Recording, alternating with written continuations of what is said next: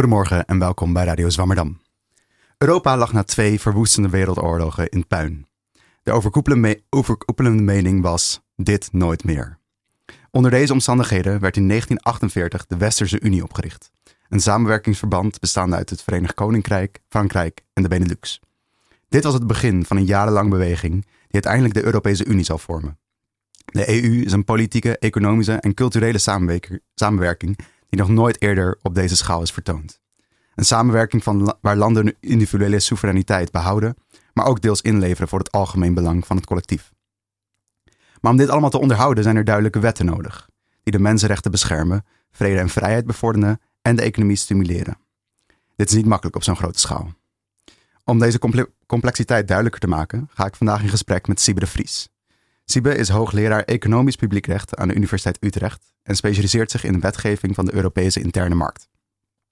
Hij bestudeert hoe digitalisering en duurzaamheid binnen de EU gereguleerd moeten worden en wat de gevolgen hiervan zijn voor individuen en bedrijven. Ook is Siebe voorzitter van de Nederlandse Vereniging voor Europees Recht. En hiernaast is hij ook een erg goede vriend van de familie. Dus voor mij wordt het een thuiswedstrijd. Welkom Siebe. Dank. Um, allereerst heb ik een vraag aan mijn medepresentator Lilian. Um, Lilian, denk je dat de EU belangrijk is voor Nederland? Ja, ik denk zeker dat de EU belangrijk is voor Nederland en dat de EU, um, ja, dat je daarmee op een veel grotere schaal eigenlijk dingen voor elkaar kan krijgen dan als je alleen maar naar Nederland binnen de uh, landsgrenzen kijkt. Een uh, voorbeeldje daarvan was dat ik afgelopen zomer op vakantie was in Hongarije en dat um, ook daar op het terras je niet meer plastic rietjes had, maar van die ja, gewoon ander soort uh, rietjes, omdat dat dan daar ook verboden was, omdat het op de hele U um, verboden was geworden. Ja. Dus ik denk dat dat soort dingen, um, ja, dat dat wel een beetje laat zien dat die schaal van de EU gewoon veel groter is dan als je alleen maar binnen Nederland blijft. Ja, mooi voorbeeld. En Siebe, wat maakt naar jouw mening de EU zo speciaal? Ja, nou ik denk dat dit voorbeeld over zichzelf spreekt. Uh, heel mooi voorbeeld inderdaad. Nou, als we even teruggaan, ik denk vooral het uh, innovatieve, het originele en het hoopvolle karakter van de Europese Unie maakt de Europese Unie speciaal. Eigenlijk destijds de opzet van een, een supranationale Europese economische gemeenschap, die het fundament heeft in de economische samenwerking, was geheel anders dan wat men eigenlijk gewend was. Dat wat in een, zou je kunnen zeggen, klassieke internationale organisatie gebruikelijk was. Nou, de geestelijke vaders hiervan waren Robert Schuman. De, um, dat was de Franse minister van Buitenlandse Zaken, die overigens een Duitse uh, achtergrond ook nog had. En Jean Monnet. En uh, ja, die zagen een economische toenadering tussen staten als een sleutel tot vrede, eigenlijk vrijheid en welvaart. En uh, ook de Europese rechter, ik ben jurist, dus ik kijk ook veel natuurlijk naar uitspraken van het Europese Hof van Justitie, gevestigd in Luxemburg. De Europese rechter erkende dat al heel vroeg in twee belangrijke uitspraken voor het Europees recht. En dat bijzondere, originele, het Hof zegt, nieuwe rechtsorde, zeg maar, die ook rechten creëert uh, voor burgers en verplichtingen rechtstreeks kan opleggen aan lidstaten. En dat maakt uh, die Europese Unie bijzonder. En dus het is echt een rechtsgemeenschap waar wij als burgers, en niet alleen bedrijven, maar alle burgers, uh, rechten aan kunnen ontlenen. En zo ontstond eigenlijk ook het Europees recht als een aparte discipline. Ja, en het heeft natuurlijk ook een lange weg van de Westerse Unie tot uiteindelijk de EU. En daar waren ook weer verschillende stappen in. En vaak, tenminste, ik heb ooit geleerd, er was een, een Europese economische gemeenschap was er eerst nog. En ook nog een European Custom, Custom Union. Is dat allemaal nog apart of is het allemaal nu onder de EU geschaard? Ja, de Europese Unie is eigenlijk nu de opvolger, zou je kunnen zeggen, van de Europese Economische Gemeenschap. De Europese Unie is ontstaan bij het verdrag van Maastricht en toen werd de Europese Economische Gemeenschap al een Europese gemeenschap. En overigens hadden we daarvoor de Europese Gemeenschap voor kolen en staal. Daar is het eigenlijk mee begonnen dus de kolen- en staalindustrie, de grote industrie, vooral van Frankrijk en Duitsland, onderbrengen onder, zou je kunnen zeggen, de besluitvorming van een supranationale hogere autoriteit. En dat is vooral de industrie natuurlijk die ook, zou je kunnen zeggen, verantwoordelijk, is misschien niet helemaal het goede woord, is geweest voor de oorlogsmachinerie. Dus die moet je eigenlijk onttrekken aan de soevereiniteit van de lidstaten, aan de besluitvorming voor de lidstaten. Nou, en toen is er een Europese economische gemeenschap gekomen. En die uh, uh, stelt de gemeenschappelijke, wat we nu noemen, interne markt in. En die interne markt geldt niet alleen voor kolen en staal, maar die geldt ook voor personen, die geldt voor kapitaal, die geldt ook voor het dienstenverkeer en voor alle goederen. Dus eigenlijk alle producten en productiefactoren. Nou, en de Europese Unie is dan vervolgens weer een stap verder, zou je kunnen zeggen, in dat integratieproces. Dan gaat het niet meer alleen om economische of sociaal-economische samenwerking. Nee, dan gaat het ook om samenwerking op het gebied van strafrecht, op het gebied van veiligheid of gemeenschappelijk veiligheids- en buitenlands beleid, op het gebied van migratie of bijvoorbeeld grondrechtenbescherming. En uh, wat heel mooi is, is nu eigenlijk zou je kunnen zeggen, het EU-verdrag, daarin staat in artikel 2 staan ook de belangrijke waarden van de Europese Unie, zoals rechtsstaat, democratie, het gelijkheidsbeginsel, mensenrechtenbescherming. Dus je ziet dat hè, van een toch wel economisch samenwerkingsverband we verder zijn gekomen in die integratie naar een meer politiek verband. En dat is eigenlijk wat de Europese Unie omarmt.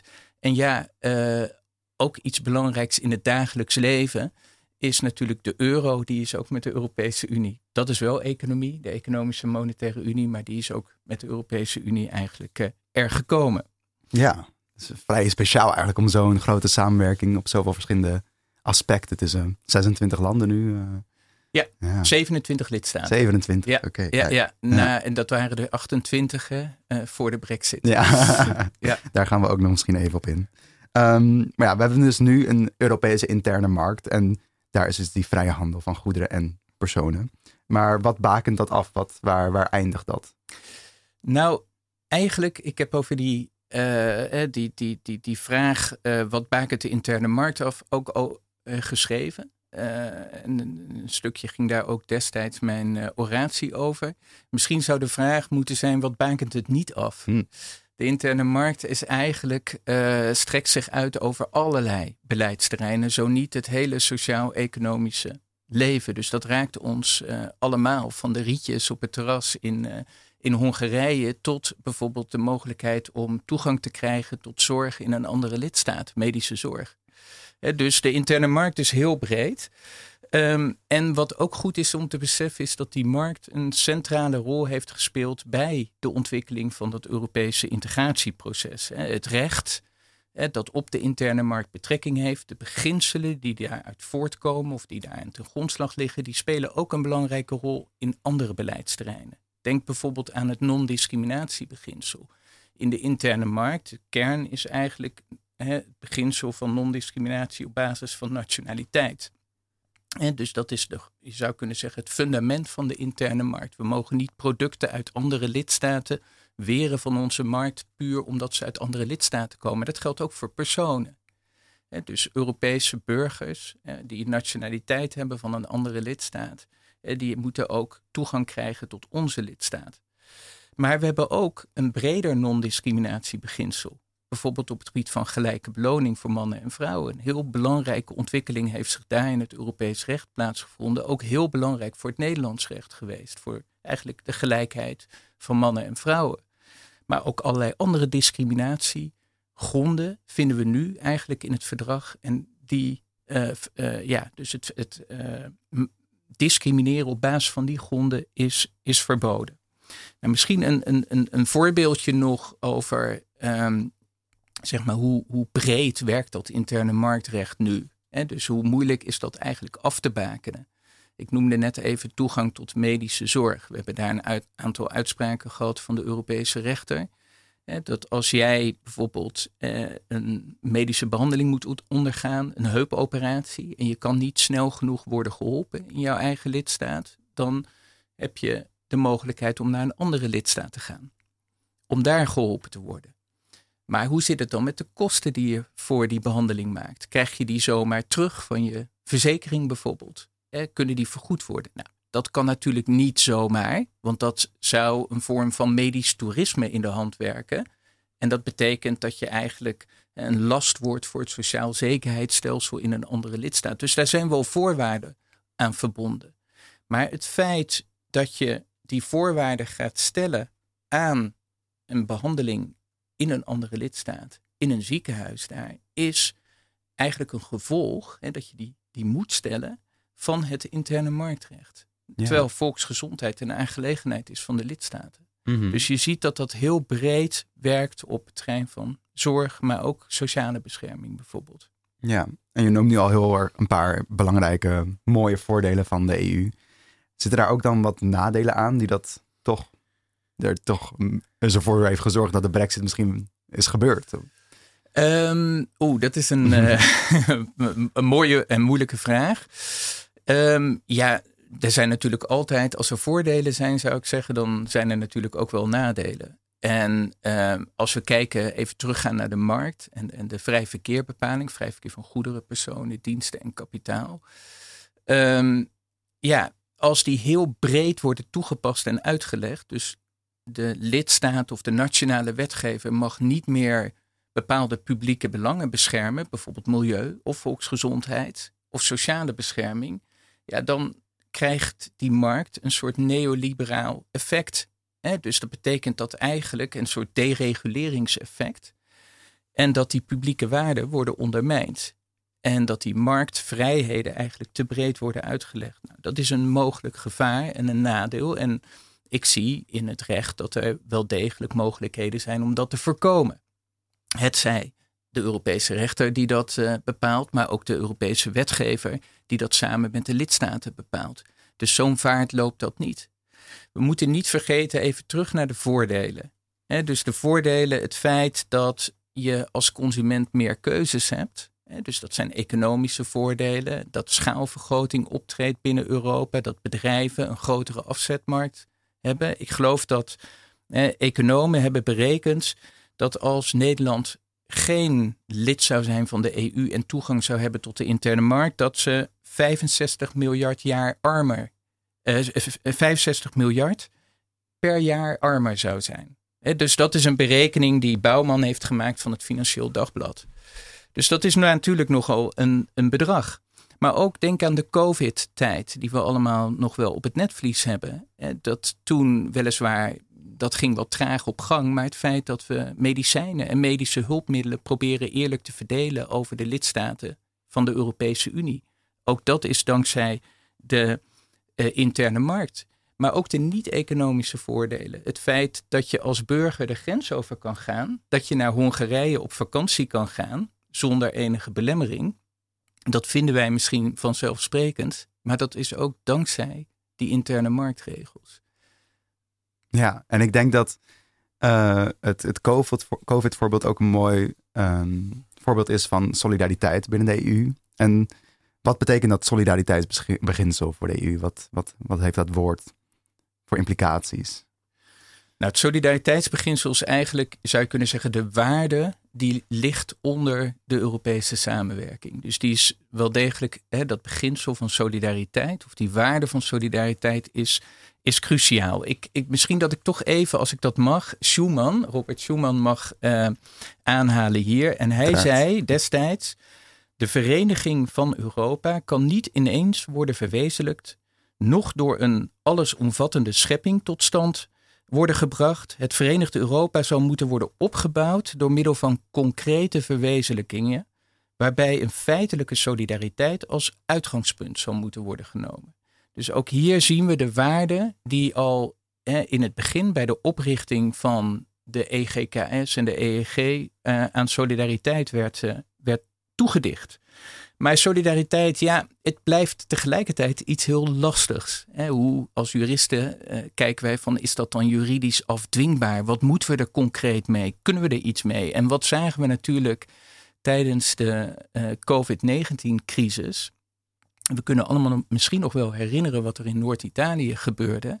En wat vervolgens de reactie van lidstaten was. Ja, maar wij gaan niet zomaar medische hulpmiddelen nou mondmaskers zijn of andere medische hulpmiddelen of medicijnen exporteren naar Italië. Want stel je voor, COVID komt bij ons, dan hebben we niet genoeg. Nou, dat is niet echt bepaald een uitdrukking van solidariteit, zou ik willen zeggen. Dus gelukkig dat we dan een Europese Unie hebben met een Europese Commissie en instellingen, die vervolgens wel ervoor zorgen dat er meer een eerlijke verdeling komt van die medicijnen en van die medische hulpmiddelen. En waarin de commissie eigenlijk telkens onderstreept hoe belangrijk het solidariteitsbeginsel is. En we hebben zelfs gelukkig nationale rechters, in België is een voorbeeld bijvoorbeeld, die dat ook, ook onderstrepen. Dus ja, het is een belangrijke waarde, maar om het concreet te maken en ook te zorgen, en dus zeg maar dat het vanuit lidstaten zelf komt, dat is niet altijd een gegeven. En we zien dat in de migratiecrisis bijvoorbeeld ook. Ja, en ik denk dat door de grote schaal, of de relatief grote schaal van de EU, is het soms misschien ook moeilijker om een mooie balans te vinden tussen het beschermen van de mensenrechten van iedereen in, elk, uh, elke lidstaat en de economische vrijheden die komen met die open interne markt. Hoe wordt die balans gemaakt binnen het Europese recht? Ja, dat is ook een, inderdaad een, een, een heel mooie vraag en een, en een probleem soms. Hè? Dus uh, omdat de Europese Unie eigenlijk voortkomt uit uh, de Europese Economische Gemeenschap met de markt die centraal staat. Hoe zit het dan met de bescherming van grondrechten? Nou, um, destijds, dus lang geleden, hadden we eigenlijk, zou je kunnen zeggen, je had de Europese gemeenschap of economische gemeenschap. Die hield zich bezig met economische samenwerking in de brede zin van het woord. Ik noemde net al voorbeelden, dus sociaal-economische samenwerking zou je kunnen zeggen. En daarnaast had je mensenrechtenbescherming, dat was een aangelegenheid, of is een aangelegenheid van de Raad van Europa. En de rechter in Straatsburg, het Mensenrechtenhof in Straatsburg. En we hebben het Europees Verdrag ter Bescherming van de Rechten van de Mens. Nou, nu zie je in de Europese Unie en in het Europese Unieverdrag en aangehecht aan het Europese Unieverdrag het Europees Handvest van de grondrechten. Die een eigenlijk cruciale en steeds belangrijkere rol speelt, ook in de rechtspraak van de rechter uit Luxemburg, het Hof van Justitie. dus, maar het ontstaan van die grondrechten is eigenlijk wat anders dan in het kader van het Europees Verdrag ter Bescherming van de Rechten van de Mens. De grondrechtenbescherming in de Europese Unie is ontstaan vanuit marktintegratie. Het ging dan vooral bijvoorbeeld om landbouwmaatregelen en die, die gevolgen hadden voor boeren die onteigend werden. En dan hebben we het recht op eigendom, dat is een grondrecht. Dat waren de eerste zaken bijvoorbeeld. Of het recht op privacy en gegevensbescherming. En die rechten zijn relatief sterk binnen de, het Europese Unierecht. Terwijl als het gaat om de vrijheid van meningsuiting bijvoorbeeld, dat is vooral een aangelegenheid van de lidstaten. Nou, en we zien dat nu in de digitale samenleving en de digitale markt eigenlijk die grondrechten allemaal samenkomen. En daar zie je opeens dat de Europese wetgever daar regels voor gaat stellen. Maar ook nog beperkt, want ja, je mag niet te veel aan sommige grondrechten raken, zoals vrijheid van meningsuiting, want daar is de EU niet echt bevoegd op. Dat zijn de lidstaten.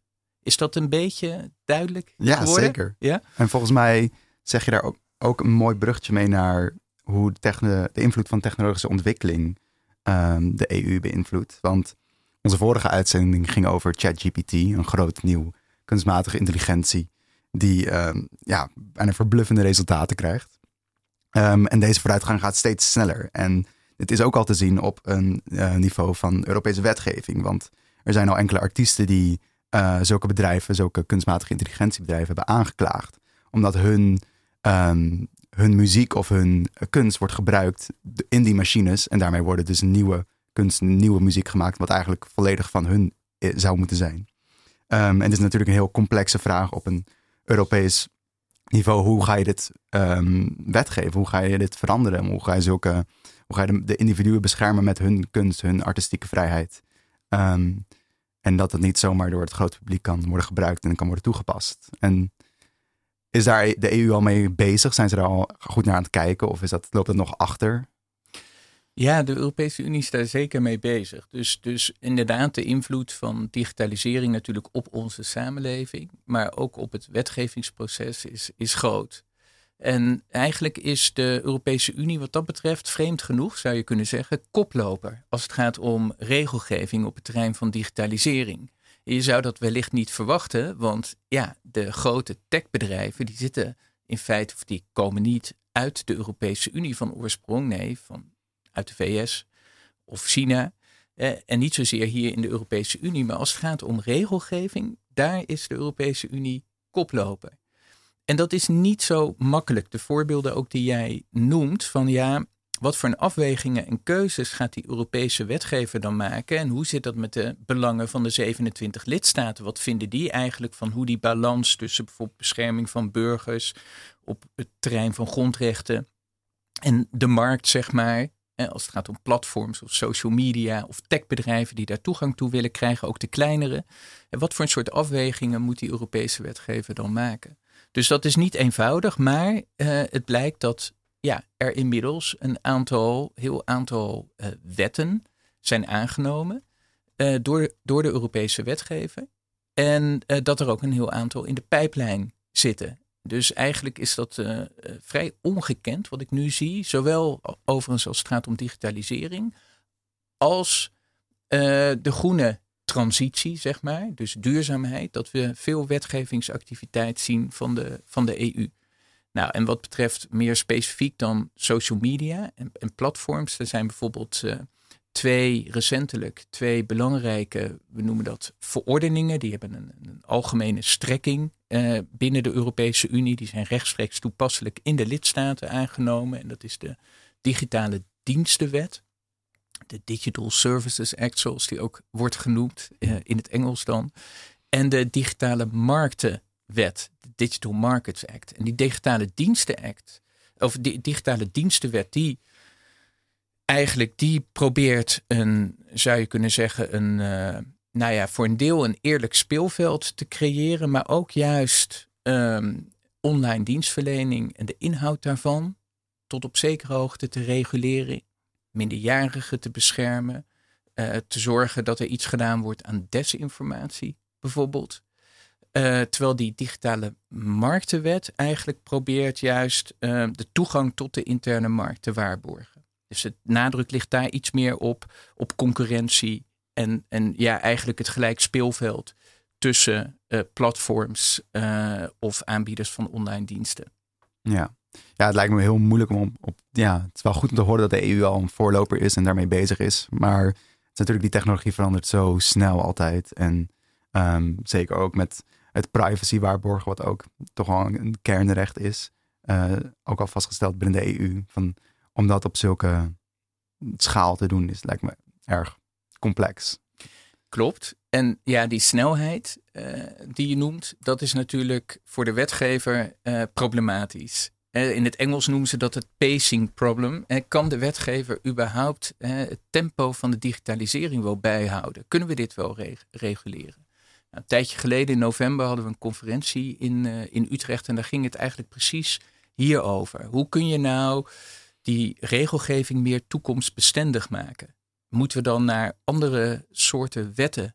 Moet je meer experimenteel gaan uh, dingen gaan regelen? Bijvoorbeeld samen met de industrie, samen met burgers. Eh, en een beetje afwijken van het traditionele wetgevingsproces, want dat kan best traag zijn. In Europa heb je de Europese Commissie, die heeft het uitsluitend recht van initiatief op, op voorstellen. Nou, en dan uiteindelijk moet het door het Europese parlement en de Raad van Ministers moet zo'n wet worden aangenomen. Je kunt je voorstellen met 27 lidstaten, ook in die Raad van Ministers, dat dat best een, uh, uh, een, een traag proces kan zijn. En ik vind het eigenlijk wel bewonderenswaardig dat niettemin we toch al die wetgevingsactiviteit zien, ondanks dit.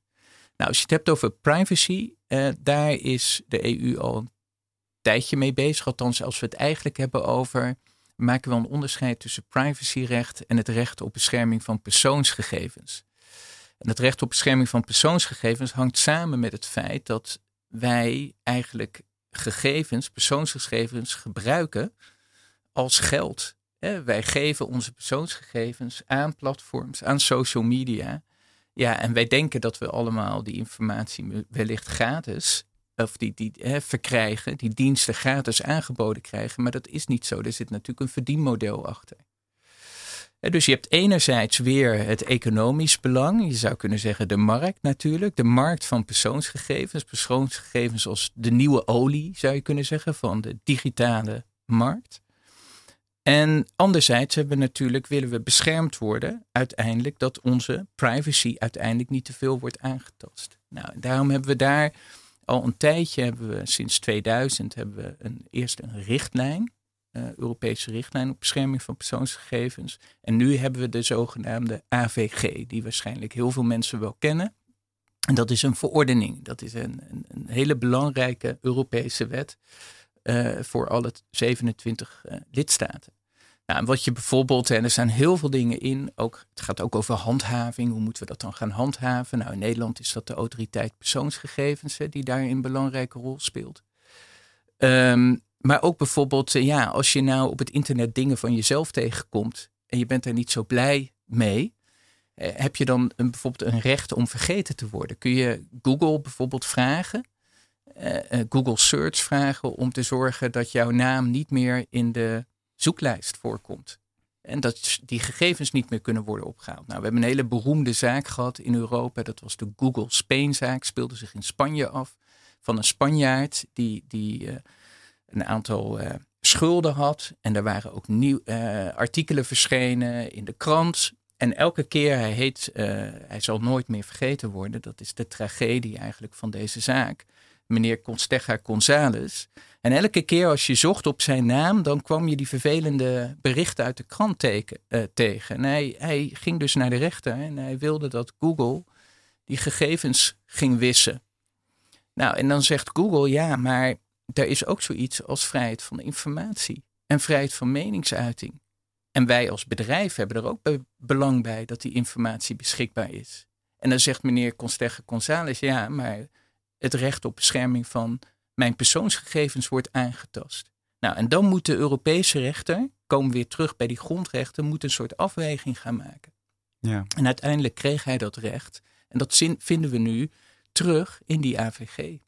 Oké, ja, dus het blijft altijd die balans tussen de mensenrechten en de, de publieke of de economische vrijheid. Ja. Juist, ja, ja klopt. Um, nou, voordat we hiermee verder gaan, gaan we eerst naar de column van Nicole Kaandorp. Die heeft een, eh, een mooie column voor ons geschreven. Ga je yes, Dankjewel. Hij gaat over de euro. Ik kan me namelijk nog herinneren toen de euro kwam. Het ging zo. Ik was een kind, een jaar of vijf. En in de woonkamer speelde ik onder een uitgeklapte paraplu marktje. Ik had een kraam die sokken verkocht en een kraam voor speelgoed en mijn vader was de marktgast. Hij kocht één sok, dus ik zei één gulden. Maar dat kan niet, zei hij. Er zijn nu euro's, geen guldens. Oké, dan uh, uh, 1 euro, zei ik. En mijn vader sloeg zijn handen tegen zijn gezicht en riep: Wat duur! Toen leerde ik over het bestaan van centen, zodat ik de sokken goedkoper kon maken. Maar vooral over de verschillen in waarde. Een euro is schijnbaar meer dan een gulden, terwijl het toch allebei echt wel één is. Toen ik een spreekbeurt gaf over Hongarije in groep 8, had ik een biljet mee. Dit is de voorriend, zei ik. Het was een briefje van 200 en mijn klasgenoten vonden dat waanzinnig. 200 van iets. Maar eigenlijk kostte dat biljet maar 60 eurocent. In Kroatië staan er dieren op de munten. Al heel lang en binnenkort niet meer, want dan nemen ze daar ook de euro. Ik weet nog een zomer toen ik zelf mijn ijs mocht halen, net oud genoeg, en al dat geld voelde zo belangrijk in mijn zak dat ik eerst even mee op een steiger naar ging zitten kijken. Er stonden dus dierenplaatjes op, dus ik speelde ermee. Er was een munt met een beer en een munt met een vis. Ik ga je opeten, zei de beer tegen de vis op mijn steiger. Hap, hap, hap, hap, deed de beer. En die vismunt verdween zo achter de beermunt, want die paste er precies onder. Maar ik heb nog steeds honger, zei de beer. En er was meer om op te eten, want de één kuna-munt had een vogeltje, maar die zag er te schattig uit. Verder waren er bloemetjes op de centen in twee verschillende soorten. Oh, lekker, bloemetjes, zei de beer, die door de zieligheid van het vogelplaatje plots vegetariër was geworden. Er stonden woorden bij de bloemetjes. De ene was Nicotiana tabacum. Dus de beer at die op en die was nu verslaafd aan sigaretten. Ik liet hem alle munten opeten en daarna was het klaar. Wilde ik ze liever inruilen voor ijs met stracciatella of citroen. Kroatië wisselt als het goed is volgend jaar van de kuna naar de euro. En ik denk dat ik er dan een paar van die beer- en vismunten in een doosje bewaar. Ik voel me nostalgisch en sentimenteel over die munten en dat ik ze heb meegemaakt. En op zo'nzelfde manier had ik eigenlijk ook graag andere munten meegemaakt. Hoe zag een frank eruit of een mark? Stonden daar ook dieren op of gewoon hoofden en wiens hoofden dan? Wat ik verder vind van de invoering van de euro, ja, ik heb er eigenlijk geen gegronde politieke mening over. Het lijkt me progressief en bevorderlijk. En hoewel ik de biljetten mooier vind, terug naar de gulden wil ik niet. Dat voelt nogal Wildersiaans. Het is fijn en handig dat ik voor een weekendje Antwerpen of Parijs niet meteen naar het wisselkantoor hoef, van moet ik eerlijk zeggen. In het buitenland voelt geld toch anders. Een biertje in Amsterdam kost andere euro's dan een biertje in Praag. Ik weet niet waar dat aan ligt. Eigenlijk vind ik ze maar wat saai, die euro's. Ze lijken zo op elkaar. Mijn lievelingsmunt heeft een Vesuviusman, maar verder zijn het gebouwen of hoofden van mensen of eikenbladen. Wie heeft die dingen eigenlijk ontworpen? En wat een verantwoordelijkheid om voor heel Europa te kiezen hoe het eruit ziet in een portemonnee. Zilver en goud, bla bla. Wat als we voor de volgende oplage kinderen vragen onze munten te ontwerpen? Niet alleen het plaatje op de achterkant, maar gewoon de hele munt. Want als iemand zich nog om geld kan verwonderen, dan zij het wel. Wat zou het worden? Ridders? Of uh, Kendrick Lamar? Of K3? Of munten die niet rond zijn, maar de vorm hebben van helikopters en honden en hockeysticks of haaien. Stel, er was een euromunt die toevallig ook een schepje is. Of een schroevendraaier. Dan zou ik altijd contanten bij hem hebben. Of 2 euro was een yo-yo met een klein touwtje eraan voor als je je verveelt in de tram. Maar ik ben aan het fantaseren. Ik weet best dat de euro nooit leuk zal worden. Als zoveel mensen hem gebruiken, moet universeel, helder en zo onaanstootgevend mogelijk zijn. Dat doet me afvragen. Worden dingen eigenlijk saaier als ze voor zoveel verschillende mensen worden gemaakt? Is alles in de EU niet eigenlijk een compromis? En zo ja, gaat het dan niet allemaal ontzettend langzaam? Kunnen we eigenlijk wel progressief zijn, bijvoorbeeld op vlak van klimaat of gelijke rechten, als er altijd mensen en landen zullen zijn die dat niet zo graag willen? Dankjewel, Nicole. Erg mooie column. Um, zien we, ja. Nicole noemde al een beetje het, het, het unieke van wat elk land heeft binnen de EU natuurlijk. Gaat dat niet een beetje verloren door, door die hele samenwerking, dat we allemaal dezelfde euro moeten? Gaat er niet wat unieks verloren dan? Ja, dat, dat uh, heel mooie column trouwens, uh, inderdaad. Um, dank daarvoor. Uh, nou, dat denk ik in tegendeel. Uh, het tegendeel waar is. Dat klinkt gek, maar ik hoor dit natuurlijk ook heel vaak. En, en ik heb veel gesprekken ook met mensen die euroceptisch zijn.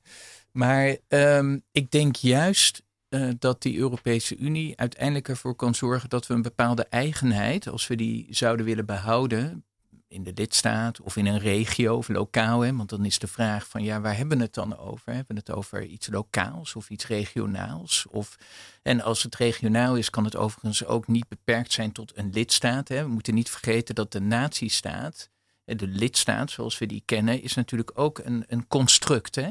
Iets wat we bedacht hebben of wat bevochten is uh, met harde hand vaak. En die grenzen die zijn getrokken. Dus um, dus dat is denk ik een eerste vraag. Waar hebben we het dan over? En ik denk, uh, het Europees recht laat heel veel ruimte voor differentiatie. En dus en natuurlijk zijn er, als het gaat om producten hè, die we kopen, ook uh, in, in, winkels, in supermarkten, zijn er bepaalde voorschriften. Hè, die ervoor zorgen dat het makkelijker is voor de bedrijven, maar ook voor de consumenten om uiteindelijk toegang tot die producten te krijgen. Maar de gedachte dat bijvoorbeeld de Europese Unie voor zou schrijven dat je bananen, dat die dan uh, recht moeten zijn of iets dergelijks. Hè, wat in, uh, tijdens de brexit uh, of voor de brexit eigenlijk discussies in, in het Verenigd Koninkrijk onder andere naar voren kwam. En door de tabloids in, in Engeland werden allemaal van dit soort argumenten naar voren gebracht. Ja, dat is niet per se waar. Dus er is juist ruimte voor verscheidenheid. Dus het is eigenlijk ook een beetje het motto van de Europese Unie: eenheid in verscheidenheid. Zorgen dat je wel daar waar natuurlijk grensoverschrijdende problemen zijn, daar waar het belangrijk is voor de werking van, van de markt, hè, dat je komt met gelijke regels, maar die hoeven niet uniform altijd te zijn. En daar waar het beter is om dat aan de lidstaten over te laten, of aan regio's of lokale autoriteiten, dan moet je dat ook doen. Daarvoor hebben we overigens ook een beginsel in het verdrag, dat heet dan het subsidiariteitsbeginsel. Dus je moet eigenlijk vooral zorgen dat je zo dicht mogelijk blijft bij de bron als het gaat om regelgeving. Uh, en bij de burgers. Dus dit is een beetje in algemene zin. Uh, ja, en, en de, de euro is natuurlijk. Enerzijds zou je kunnen zeggen. Het is, het is een, een, een mooi onderwerp om daar lang over te praten. Enerzijds is het een economisch project, een monetair project eigenlijk. Maar daar zit natuurlijk ook een politieke een belangrijke politieke boodschap aan destijds wilde. Had het ook vooral een politieke lading. En economen hebben wellicht een verschillende mening over of dit nou altijd zo goed is geweest voor Europa en voor ons als burgers. En ik denk dat er wel altijd uh, één probleem, dan kom je terug bij solidariteit, is geweest destijds tijdens de financiële crisis in Europa. Is dat je ziet, eh, en het werd net al in de column eigenlijk ook genoemd, dat er verschillen zijn tussen lidstaten, ook economisch gezien, waardoor producten verschillend eh, geprijsd zijn in, in, in de lidstaten. Maar ook dat ja, in sommige lidstaten uh, toen, als gevolg van die crisis, uh, heel erg bezuinigd moest worden. Juist om in die eurozone te blijven. En dat heeft uh, grote gevolgen gehad voor werkgelegenheid, voor de sociale bescherming van burgers. En um, nou, nu heeft men daar wel een mechanisme voor om dat beter zeg maar, op te vangen, dergelijke schokken. Maar dat was destijds niet zo. En we weten allemaal misschien nog wel eh, toen, of herinneren ons die nieuwsuitzendingen van eh, eh, wat er gebeurde in Griekenland of wat er gebeurde in Portugal, hoeveel, hoe groot het percentage aan werklozen daar was en mensen die gewoon echt geen inkomen hadden. En dat is natuurlijk een, zou je kunnen zeggen, wellicht een van de meer perverse effecten van zo'n eurozone als je niet tegelijkertijd zorgt dat je ook op dat terrein goed met elkaar samenwerkt. Ja, en dat is nog steeds een beetje een probleem in Europa. Ja, en maar ik denk waar, waar de rol van Europa wel zeer ehm, goed tot uiting komt, is in de bestrijding van klimaatverandering. Uh, wat natuurlijk een, een probleem is voor de hele wereld. Uh, maar de EU kan als een, zeker een substantieel deel van de wereld daar goed in samenwerken. Um, en volgens mij is de EU daar ook goed mee bezig. Ik las laatst een stuk over stofzuigers. Um, en dat het aantal watt op stofzuigers um, door de EU verplicht naar beneden is gebracht. Want er was daar geen regelgeving over. Dus stofzuigbedrijven konden zoveel watt op hun stofzuiger doen als ze wilden. Maar dat had eigenlijk geen enkele zin. Het, de stofzuiger ging niet beter zuigen. Dus nu is er door de EU een bepaald hoeveelheid watt uh, als maximum afgesproken. Uh, en ik denk dat dit een goed voorbeeld is van hoe de EU soort van op meteen implicaties heeft voor 27 lidstaten en misschien wel voor de hele wereld. Omdat de producent natuurlijk dan ook um, voor andere landen allemaal gewoon dezelfde stofzuiger wil maken. Um, dus ja, hoe vind jij, Sibe, hoe de EU daarmee bezig is met de Green Deal? En... Ja, nou ja, je noemt de Green Deal, dus ook dat is, eh, zou je kunnen zeggen, naast het thema van digitalisering uh, is dat een, een heel groot thema in Europa. Uh, en uit die Green Deal komen wetgevingsvoorstellen, nieuwe regelgeving. En je noemde al de stofzuigers. Hè, dus dat is een belangrijk uh, voorbeeld, zeg maar, als het gaat om de energietransitie. Om te zorgen dat we ja, uiteindelijk efficiënter omgaan met energie. En uiteindelijk, en dat is, noemen ze het Fit for 55 program, dat we uiteindelijk uh, in 2050, geloof ik, klimaatneutraal moeten zijn in Europa. We moeten maar kijken of dat gaat lukken. Nou, op het terrein van, van milieu is misschien goed om, om te beseffen dat de Europese Unie daar eigenlijk al lange tijd ook wel relatief sterke wetgevende bevoegdheden uh, heeft gehad. En dat tezamen met, zou je kunnen zeggen, wetgevende bevoegdheden in het kader van de interne markt. Hè, want zo'n energie-efficiëntierichtlijn gaat natuurlijk ook weer enerzijds, je noemt de producenten van stofzuigers, producenten van wasmachines of wat dan ook, die toegang moeten hebben tot de markt, maar wij het liefste daar wel, zeg maar, toch gelijke regels wil hebben. En anderzijds gaat het om milieu en klimaat. Eh, dus daar zie je dat uh, de Europese wetgever ja, ook de sterke bevoegdheden heeft om te zorgen dat lidstaten uiteindelijk gedwongen worden, juridisch, om die doelstellingen te behalen. Wil niet zeggen dat er niet genoeg uitdagingen zijn om dat te bereiken. Um, en je moet natuurlijk wel zorgen uiteindelijk dat je dat ook wederom solidariteit. Volgens de Europese Commissie speelt dat een cruciale rol, ook als het gaat om de Green Deal. Uh, ja, dat je zorgt dat er niet meer ongelijkheid dan dat we eigenlijk ook kennen binnen de Europese Unie uh, ontstaat als gevolg van deze regelgeving. Dus dat is een belangrijke uitdaging. Nou, op het echt puur sociale terrein heeft de EU eigenlijk heel beperkte bevoegdheden. Dus daar moet het vanuit de lidstaten komen. Dus ook dat is een, een, een belangrijke uitdaging. En verder, ja, een, een vraag die in mijn onderzoek, of waar ik mij in mijn onderzoek eigenlijk wil, mee wil bezighouden. Het gaat bijvoorbeeld ook over landbouw, de circulaire landbouw. Of te zorgen dat je duurzame voedselsystemen in Europa hebt, ook in tijden van crisis. Klimaat is natuurlijk een crisis, hè? maar zorgen dat we nog wel uiteindelijk voldoende te eten hebben. Hoe realiseren we dat in Europa? Nou, daar, daar is men natuurlijk in Brussel hard mee bezig. Maar ik vind het ook een interessante vraag voor mijn eigen onderzoek. Van wat betekent dat dan eigenlijk voor de regels en de uitgangspunten die we destijds, zou je kunnen zeggen, in 1956, 57 hebben vastgesteld voor de interne markt? Moeten we misschien niet op een andere manier gaan kijken naar die interne markt? Die moet duurzamer, circulairder worden. Dus um, ik heb daar niet 1, 2, 3 een antwoord op, maar dat is wel iets waar ik me in de komende jaren graag in het onderzoek mee wil bezighouden. Ja, en het is zeker dat we als EU veel gedaan kunnen krijgen. Meer dan als individuele lidstaten, als die allemaal zelf hun eigen um, wetten zouden over, over zouden maken. Zeker. Ja. Um, en voor mij is het altijd een beetje onduidelijk van waar dan die scheidslijn ligt tussen de EU en Nederland. Van waar, wat kan Nederland wel en wat kan Nederland niet? Wat kan de EU wel en wat kan de EU niet binnen de wetgeving?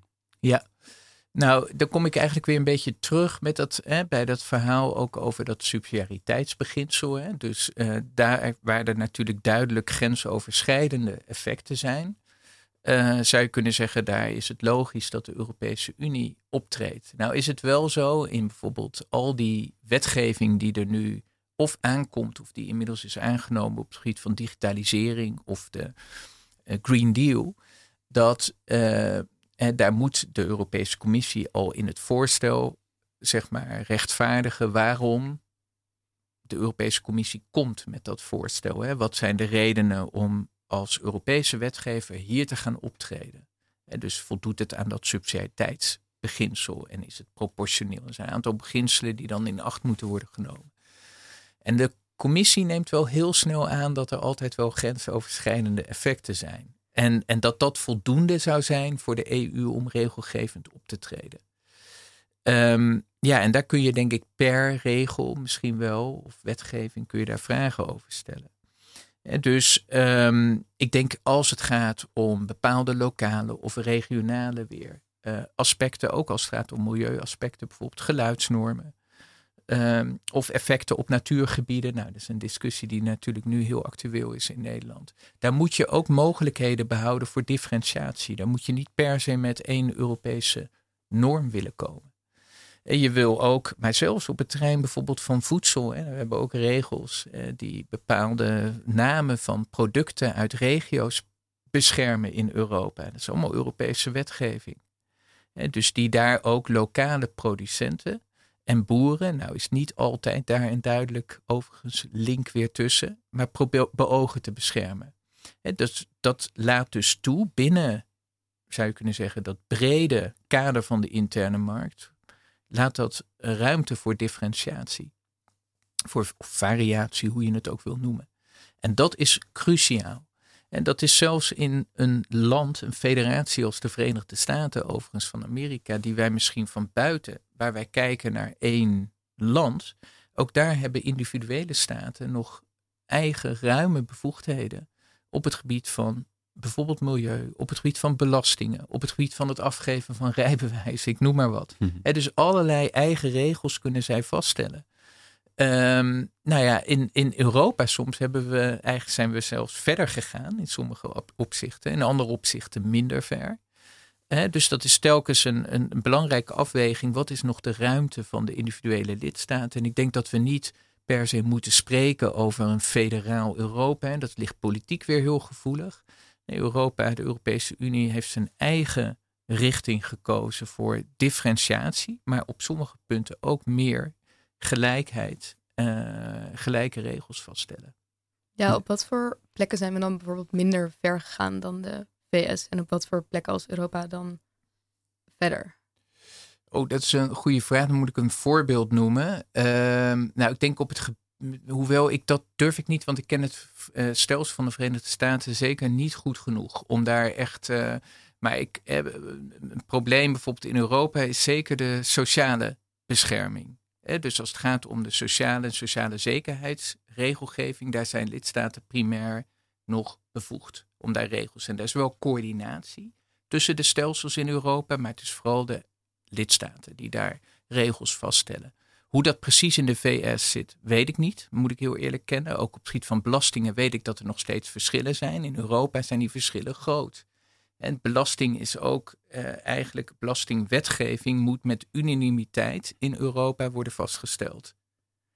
Nou, je kunt je voorstellen met 27 lidstaten dat dat heel lastig is op dit terrein. Nou, en dat is toch um, misschien niet altijd, als we het hebben over de Economische en Monetaire Unie, of als we het wederom hebben over sociale wetgeving, zou het misschien een idee kunnen zijn om dat makkelijker te maken op sommige punten. Ja, en je noemde het al dat het dus met zoiets als een belastingswetgeving, dat het dan unaniem moet worden verkozen. Maar is het dan het bureaucratische apparaat van de EU, is het niet soms te log, is het niet te groot en kan er, is er te weinig speling soms in? Omdat het juist zo groot is en dat er een um, afspraak moet komen tussen zoveel landen, dat er dan niet snel genoeg kan handelen op bepaalde problematiek. Ja, dat is een leuke vraag. Want uh, vaak hè, wordt, uh, wordt er gesproken over de EU is inderdaad log en bureaucratisch. Maar als we gewoon puur naar de cijfers kijken, en ik heb het nog eens eventjes uh, nagezocht, dan heb je, wat is het, ongeveer 40.000 ambtenaren, dat was in 2019, voor alle Europese Unie-instellingen. Dus inclusief de, het Hof van Justitie van de Europese Unie. In Nederland alleen, dus één van de 27 lidstaten, hebben we 157.000 uh, ambtenaren, inclusief weliswaar de Nederlandse gemeente, bij elkaar.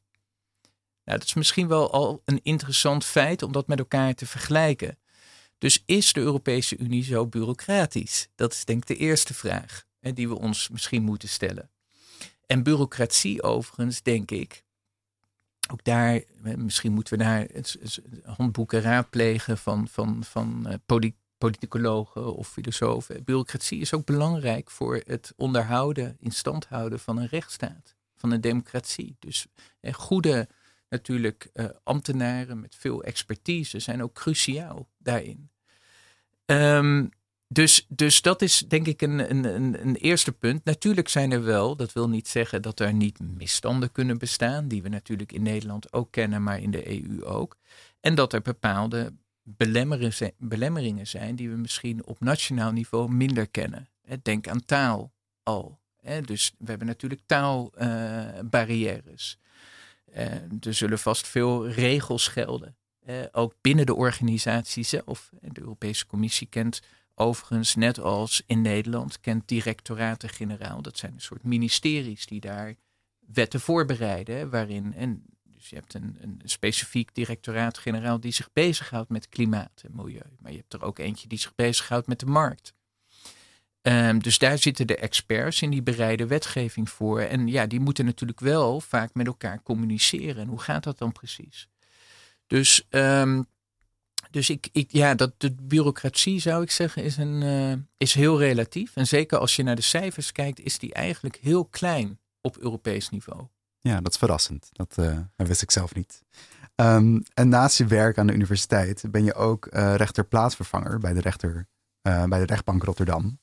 En heb je misschien een, je mag natuurlijk niet heel veel delen over een bepaalde zaak, maar heb je misschien een voorbeeld waar toch die, die kenmerk waar we het nu over hebben gehad, over Europees recht, waar dat samenkomt? Um, ja, we hebben, uh, dus ik ben inderdaad sinds een aantal jaren ben ik uh, sinds 2014 rechter plaatsvervanger bij de rechtbank Rotterdam. De afdeling bestuursrecht en daar heb je uh, een bijzondere competenties, noemen ze dat, van de, van de rechtbank. Die houdt, zich bezig met specifieke zaken eigenlijk, waar ook vaak Europees recht aan de orde is. En dan kun je denken aan consumentenrecht. Je kunt denken aan het mededingingsrecht. Eh, als eh, de autoriteit Consumentenmarkt bijvoorbeeld, die verantwoordelijk is van de voor de handhaving van de Nederlandse mededingingswet, die eigenlijk rust op het Europese recht, zou je kunnen zeggen. Eh, boetes oplegt aan bedrijven omdat ze misbruik hebben gemaakt van de machtspositie bijvoorbeeld eh, op de Nederlandse markt of een deel daarvan. En ehm, die bedrijven gaan daartegen in beroep dan komen ze eerst altijd bij de rechtbank Rotterdam. Uh, maar ook bijvoorbeeld zaken waarbij de Nederlandse Voedsel- en Warenautoriteit betrokken is. Uh, en ja, niet zo heel lang geleden hadden we een zaak over de tabaksrichtlijn. En de Nederlandse regeling, de tabaks- en, en, rookregeling, rookwarenregeling, die eigenlijk die tabaks, Europese tabaksrichtlijn, die Europese wet, wet omzet in het Nederlands recht. En um, ja, dat was een, een zaak die aangespannen was door de stichting uh, Rookpreventie Jeugd. Dat ging eigenlijk over de uh, grenswaarden die in de tabaksrichtlijn staan. En de meetmethode. Hoe meet je nu of wel of niet onder die grenswaarden die in die richtlijn zeg maar, uh, staan, of daaraan wordt voldaan. En uh, er is een bepaalde meetmethode die in die tabaksrichtlijn is, is voorgeschreven. Maar we weten dat als die wordt gebruikt, er, zitten, eh, de, de, er worden kleine gaatjes in filtersigaretten eigenlijk gebracht, dat je dan niet echt aan die grenswaarden, zeg maar dat je die grenswaarden gaat overschrijden. Dus ja, hoe moeten we dan die Europese richtlijn, die Europese wet, hoe moeten we die dan toepassen in samenhang zou je kunnen zeggen met die Nederlandse wet. Nou, in zo'n geval, als je daar vragen, twijfels over hebt, of je weet ook niet precies of die tabaksrichtlijn bijvoorbeeld geldig is. je hebt aan de ene kant grenswaarden in die richtlijn, zoveel nicotine, teer mag erin. Mag, mag jij inhaleren als jij een sigaret rookt, maar anderzijds hebben we een meetmethode die dat niet, wellicht niet accuraat kan meten. Hoe zit dat dan precies? Ja, dan moet je naar de Europese rechter, het Hof van Justitie in Luxemburg, want die is de enige eigenlijk die die op een, op een eenvormige manier die Europese wetten kan toetsen. En vervolgens die natuurlijk ook uh, gaat uitleggen. Dus die heeft een, eerst een uitspraak gedaan en dan, dan schorsen wij de zaak. En dan vervolgens, als de uitspraak is gewezen, dan, of het arrest is gewezen, dan komt het terug bij ons heropenen wij eigenlijk weer de zaak. En dan gaan we uiteindelijk aan de hand, of met behulp van die uitspraak van het Hof van Justitie uit Luxemburg, gaan wij een uitaanspraak schrijven. Oké, ja, ik denk dat het een mooi voorbeeld is. En ik denk dat ik nog een mooie afsluitende vraag heb, waar ik eigenlijk wel al je antwoord op weet. Maar um, is het misschien tijd voor een Nexit? Of is dit een slecht idee? Um, ja, je weet mijn antwoord al. Nou. ik uh, denk dat het een heel slecht idee is. Um, zeker in een land als, als Nederland. Dat, dat gebaat is natuurlijk bij een open markt, open grenzen. Um, en daarnaast denk ik dat het een illusie is om te bedenken dat we de grote problemen waar we net ook over spraken, klimaat, klimaatverandering, uh, de digitale transitie van onze samenleving, dat we die alleen als, als lidstaat uh, kunnen aanpakken. Daarvoor moet je met elkaar samenwerken. En dat wil niet zeggen overigens dat je niet kritisch moet zijn op de Europese Unie. En dat moet je altijd zijn. En wij moeten dat ook zijn. Sommige dingen lopen niet goed of vinden wij niet goed lopen. Dus daar schrijven we ook kritische artikelen over. Dus het kan best wel beter. Maar degene die zeggen we moeten eruit, wat is het alternatief? En zeker ook in de wereld. Hè, als je kijkt naar de Verenigde Staten of naar China. Eh, uh, willen we dan overvleugeld worden, zeg maar, door uh, andere wereldmachten? Is dat dan een consequentie als je niet meer deel uitmaakt van een groter internationaal samenwerkingsverband als de Europese Unie? En ik denk een andere belangrijke vraag die je moet stellen en kijken naar wat is er gebeurd nu na de Brexit in het Verenigd Koninkrijk. Voor wie is de Brexit nou eigenlijk positief uitgevallen? En is dat voor de mensen die misschien gestemd hebben voor een Brexit? Mensen die toch uit uh, misschien uh, gebieden komen, achter, economisch achtergebleven gebieden.